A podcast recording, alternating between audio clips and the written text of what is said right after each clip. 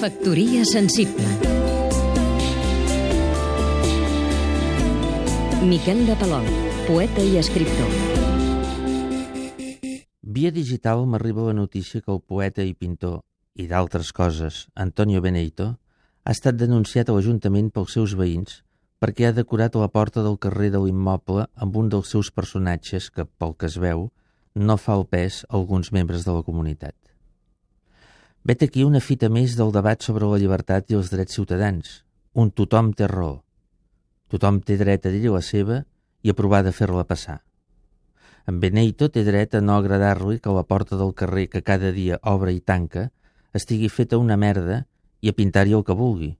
I els veïns tenen dret a dir que en Beneito no té dret a fer-ho i a denunciar-lo.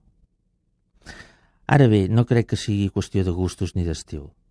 Sospito que la reacció comunitària hauria estat la mateixa si l'autor de la intervenció pictòrica hagués estat Leonardo da Vinci rediviu en persona. I també hi haurien tingut dret, exactament el mateix.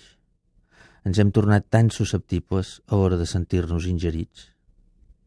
És el mateix dret que m'assisteix a mi a dir que m'agrada l'acrílic sobre fusta d'en Beneito, que si disposés d'una porta semblant a casa meva em faria millor el dia a dia que ell hi pintés al damunt i enviar-li records i alegrar-me que estigui en plena forma en la brega de l'art i de la vida. Factoria sensible Seguim-nos també a catradio.cat